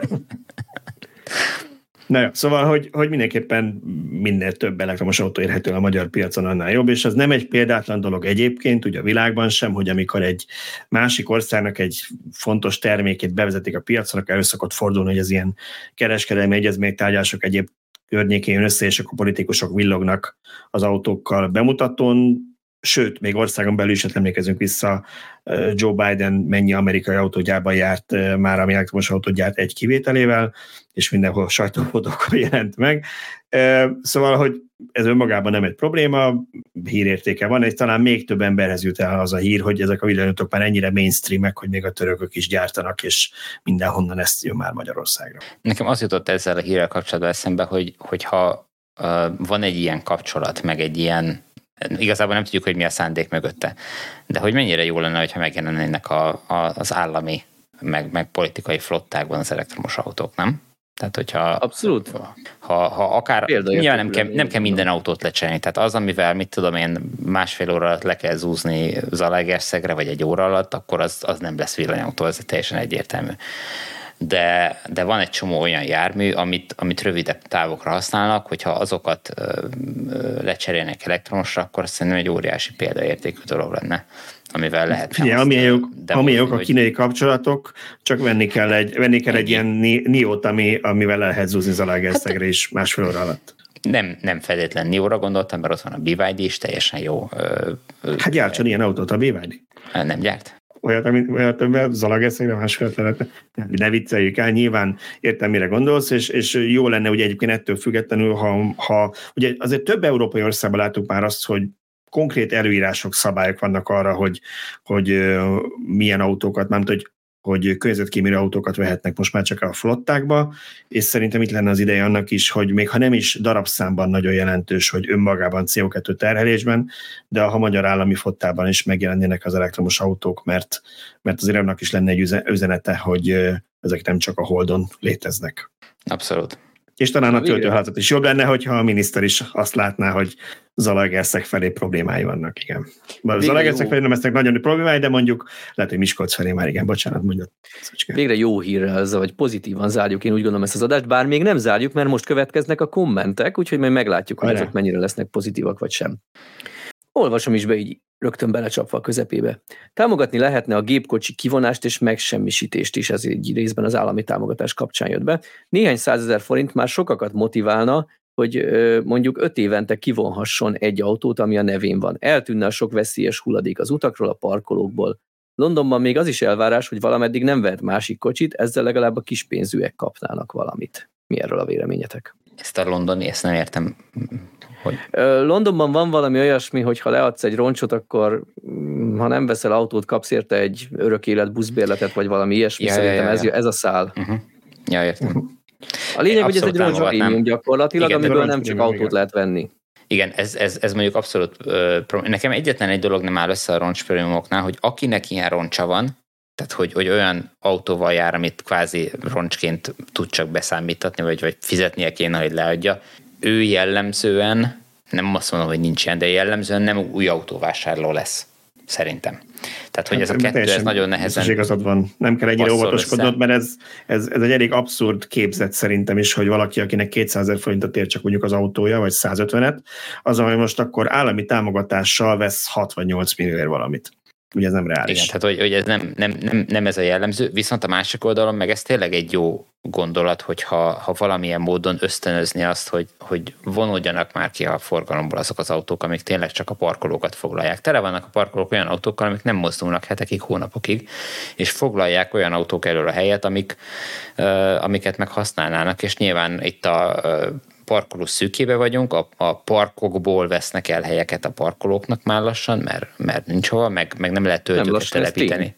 Nem lehet töltőket telepíteni, mert akkor mindenki azt mondja, hogy jaj, hát a parkolóból kell elvenni, és akkor még kevesebb hely lesz a parkolásra, hiszen és közben meg csak ott állnak olyan autók, akiknek ott van ö, ottani lakosok mondjuk, és van parkolási engedélye, ingyen parkol tehát, hogy ez, ez, ez nem szerencsés, egy csomó autót ki lehetne vonni így, amik teljesen fölöslegesen állnak a, az utcákon, csak meg kéne találni ennek a, a jó módját. Én egy olyan rendszert tudnék elképzelni, mert ezen már én is többször gondolkodtam, hogy tehát nem, ez nyilván nem egy légüres térben tudna működni, hanem egyrészt kellene, tudom, hogy most is vannak ilyen szabályok, de mostanában sokkal szigorúbban kéne meghozni a határt, hogy mondjuk tíz évesnél idősebb autót nem lehet behozni az országba, mondjuk, és akkor emellé lehetne egy olyan roncs kitalálni, azt mondani, hogy aki lead mondjuk egy tizen, nem tudom, három év feletti autót, vagy valami hasonlót, annak mennyi jár, mert az még előfordulhatna, hogy az, akinek van pénze új autóra, az megvenne egy ilyen régit, hogyha neki hazon tud kvázi keresni, mondjuk nem tudom, megvenni 200 ezer forintért, és kapna mondjuk 1 millió forintot, mondtam valamit, az is abban segítene, hogy azok, akiknek csak egy roncsautójuk van, esetleg több pénzt kapnának érte, mint egyébként, és tudnának venni valami kevésbé roncsot belőle, tehát azt mondjuk mondod, egy hogy, hogy fölért, évest. Tehát egy ilyen roncs prémium fölértékelni a használt uh-huh. autók árát, hát nem tudom. Lehet, hogy még kapni érte a 200 helyett 400-at a piacon, mert, mert a, aki meg új vesz, az egy milliót kapna a roncsért, kvázi, ha leadja, és akkor, és akkor ő meg egy 400 ezer forintos frissebb autót tudna venni, és nem ezzel a roncsal járni, és tényleg kihullanának a piacról a, az öregek, de mondom, ez csak akkor működne, ha ezzel párhuzamosan nem lehetne az országban újabb roncsokat és roncsokat behozni, hogy ez a rendszer kívülről táplálkozzon. Igen, ez mindenképpen fontos, hogy, hogy a, a behozatalt szigorítsák, meg egyáltalán az életbetartást szigorítsák, tehát ne kapjon már meg minden roncs forgalmi engedélyt, vagy tehát műszaki vizsgát, bármilyen rossz is az állapota, tehát hogy ez, ezt jó lenne ezeket a szigorításokat bevezetni, illetve nem tudom, tehát ez nem egy egyszerű történet azért, lássuk be. Nem, de ugyanakkor sem normálisan biztos mindenkinek van ilyen anekdotája, nekem pont egy vagy két napja volt az M7-esen már meg nem mondom, melyik irányba mentem hazafelé vagy Pest felé, a másik irányba jött egy autó, nem hogy nem az én sávomban, hanem a túloldalon, és nem tudtam eldönteni, hogy ára egy kigyulladt, kettő permetez, három ez a normál működése, de hogy az egész autópályát a mhm. teljes szélességében bebizsította valamivel. Úgyhogy ezeket azért nem ártana, de neked az elektromos autódon érintésvédelmet csinálnak, hogy nem ráze, ez meg megkapja a zöld kártyát. És akkor így befejeztem. Ja következő kérdés, inkább kérdés, mint komment. Ha a 48 voltos rendszert bevezetik, akkor a hagyományos akukat ezzel kivezetik az autókból? Én pont tegnap néztem egy videót, aki még nem látta és érdekli a témának, tudom ajánlani a Jay Leno-nak a legújabb Cybertruckos videót, ami a saját autója egyébként vette egy ilyen Foundation ezt az elején, amit tele van mindennel pakolva, és hát ugye ő nem a katalógust böngészi meg a Tesla weboldalt adatokból, hanem elhívta a Tesla főmérnökét, meg a, meg a főtervezőjét, ezt a két embert ugye már egy órát töltsenek vele, és rengeteg olyan érdekes információ hangzott el, ami hozzánk hasonló kockáknak érdekes lehet. Na a lényeg az, hogy ebben a YouTube-ban megtalálható videóban volt arról is szó, hogy a Cybertruckban is van kis akkumulátor, tehát nem szűnt meg, de az is 48 voltos, tehát nem kiesik, hanem van benne ugye 48 voltos, ugyanis, ahogy tudjuk, ugye ezzel szokták, ha más nem üzembe helyezni nagy, nagy feszültség akkumulátort, ehhez kell egy kicsi mindenképpen, meg erről működtetik a kisebb rendszereket. Ja, én nem értettem a kérdést, ezekben én félreértettem a kérdést, de hogy ez már litium akkumulátor egyébként? Tehát ez a 48 Persze, ugye a, a, a háromban meg az y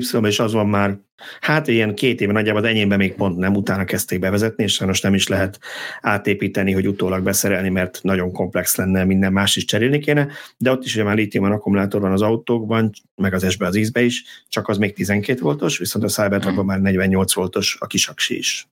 Én úgy gondolom, hogy ennek Többféle technikai megvalósítása lehet. Igen, tehát szükség van a kis akkumulátorra, nem az van, hogy egy DC-DC konverter biztosítja a 48, 48 voltos feszültséget, tehát egy független kis feszültségű akkura szükség lesz, hogy ennek a technikai megvalósítása az lesz, hogy mondjuk ugye vannak a 48 voltos mild hibridek, ott valószínűleg az az egy akku lesz csak, vagy elbírom képzelni, hogy ott az az egy akku lesz. Technikailag az is előfordulhat, hogy négy darab hagyományos 12 voltos akut kötnek össze, bár ezt nem tartanám túl célszerűnek. Ugye a kamionok is 24 voltok, meg szerintem a teherautók többsége abban is két akku van párhuzamba kapcsolva, vagy sorba kapcsolva, és, és így is megoldható. Én nem hinném, hogy, hogy négy darab 12 voltos akut fognak az új autókba beszerelni, ha áttérnek. Erre sok helyet is a lítium akuk, így van, de, de meg lesz a kis akku, én úgy gondolom. Hát és bocsánat, aki nem tudja, hogy ez azért is lényeges, hogy ezek lítium akkumulátorok, ezek az új kisakuk, mert ezek elméletben szinte az autó élettartamáig tudnak működni, de szerintem ilyen tíz évet biztosan, azzal szemben, hogy a mostani ólomsavas vagy savas ólom ki, hogy mondja, akkumulátorok, amik azért ezeknél jóval környezetszennyezőbbek, és, és rövidebb élettartamak, ugye ezeket három-négy évente cserélni kell. Vagy hát szokták. Oké, okay, következő komment. Nem tartom jó ötletnek, hogy megnyitották a superchargereket, így kevesebb Teslát adnak majd el, mert miért is vennék Teslát, amikor ugyanott tudok tölteni más kocsival is. Hát azért Most a, a kapcsán épp, én is ezt mondtam be egyébként pont. De még mindig könnyebb tölteni a Teslát a Supercharger-en. Tehát odaállok, bedugom a kábelt és megy. A másik hát, meg ugye... kell venni az applikációt, kártyaolvasó sincs, meg semmi, tehát most már van a V4-eseken, tudom, de a V3-asokon, amiket ide telepítettek, itt nincs. Igen, meg nyilván egy autóválasztás annál összetette. Fontos a töltőhálózat nyilván, de Magyarországon akkor is vettek Teslákat, amikor még nem volt itt a Tesla Magyarországon, meg villámtöltőjük se volt saját. Tehát nem csak emiatt vesz valaki Teslát, lehet mondjuk, hogy 5 percig használja a másik autó infotainment rendszerét is. Utána dönt úgy, hogy Teslát vesz.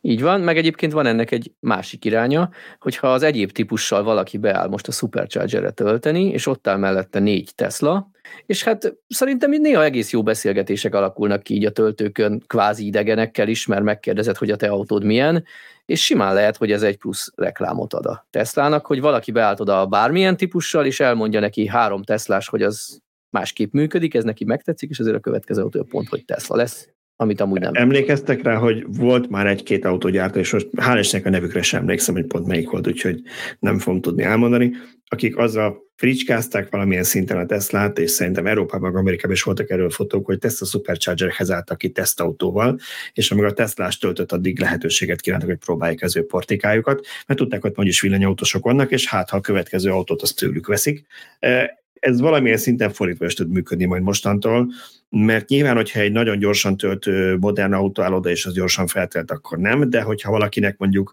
gyengébb műszaki paraméterek ennek az ő villanyautóval, és azt látja, hogy ő ott rohad 40 percig, addig már három Tesla fordult azon a szembe lévő oszlopon, akkor mondjuk elkezdett gondolkodni, hogy következőre mit vegyen. Tehát biztos, hogy egy ilyen megfontolás is lehet, a, a vállalatnak csak kiszámolták, hogy megéri nekik.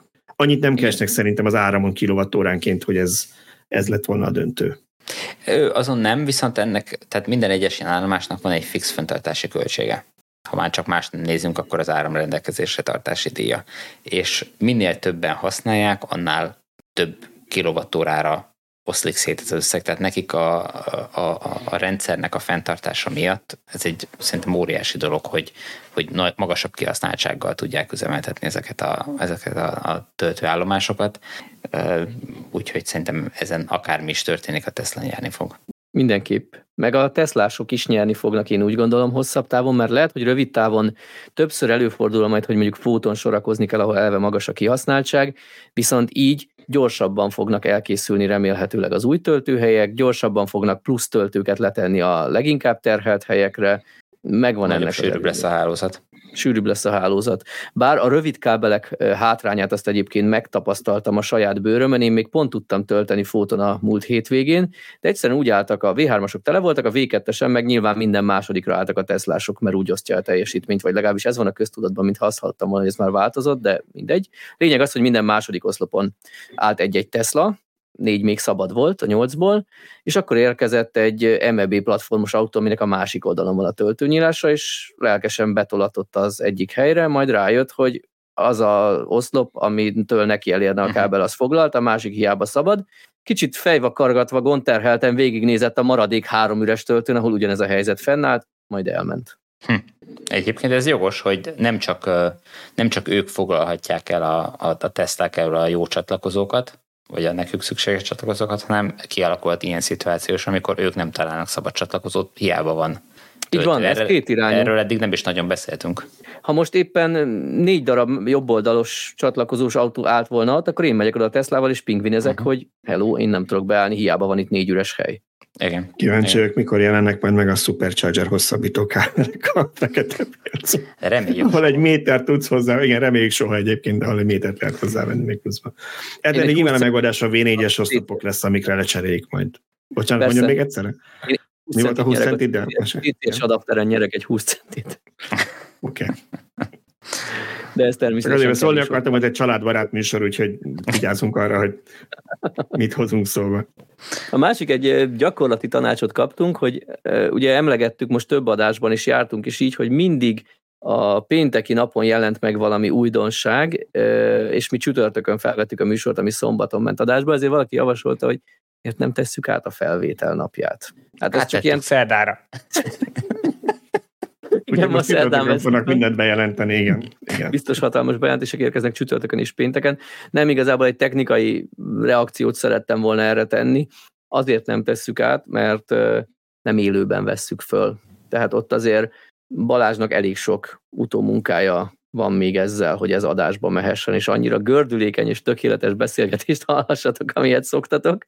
És hát, ha mondjuk péntek este vennénk föl, akkor nem vennénk a szívünkre, hogyha Balázs péntekenként nem aludna, hogy szombat reggel adás legyen belőle. Igen, ez már nem olyan tragikus, mint régen volt, ahol volt erre például, hogy pénteken este tízkor vagy később fejeztem be, amikor pénteken reggel vettük fel. Hál' Istennek most már nem, nem tart ez olyan sokáig, de szinte kb. tök mindegy, hogy mikor vennénk fel, mert olyan bármikor lehet, hogy másnap jelentene be valamit.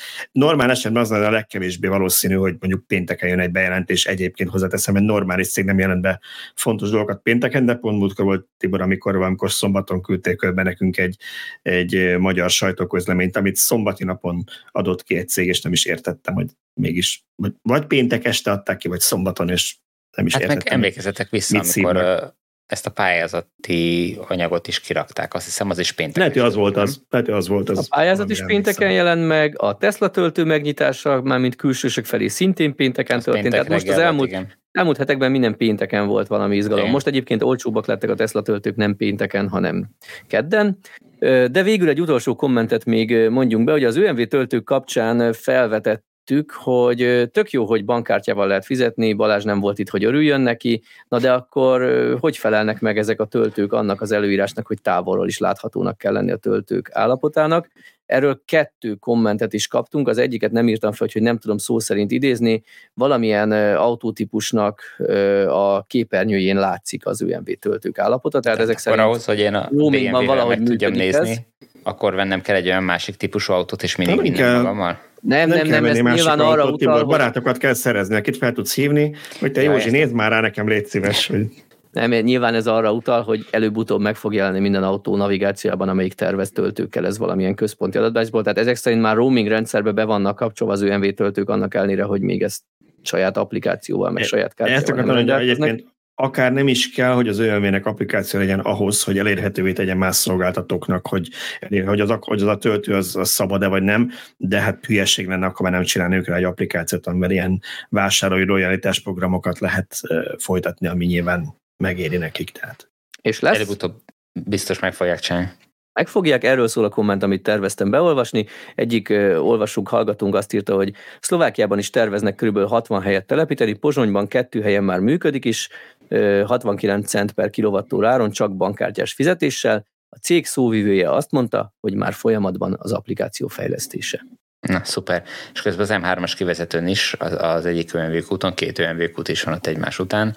A, a kintebb lévő, tehát a város határ vagy város céljához közelebb lévőn már kettő ilyen akkumulátoros töltőt telepítettek, állnak az oszlopok. Ma reggel, mikor jöttem, arra már tereprendezés volt, úgyhogy szerintem ezt napokon belül át fogják adni. Hát szerintem ennyire jó hírrel még sosem zártuk a Villanyóra podcastet, úgyhogy nincs más hátra, mint elköszönjünk. Iratkozzatok föl, szavazatok a Tesla Supercharger-rel, lájkoljatok, kommenteljetek és olvassátok a villanyautósok.hu-t. Sziasztok! Várjál, Szocska, várj, várj, várj, várjatok. Az adás ez szombaton, december 23-án megy ki.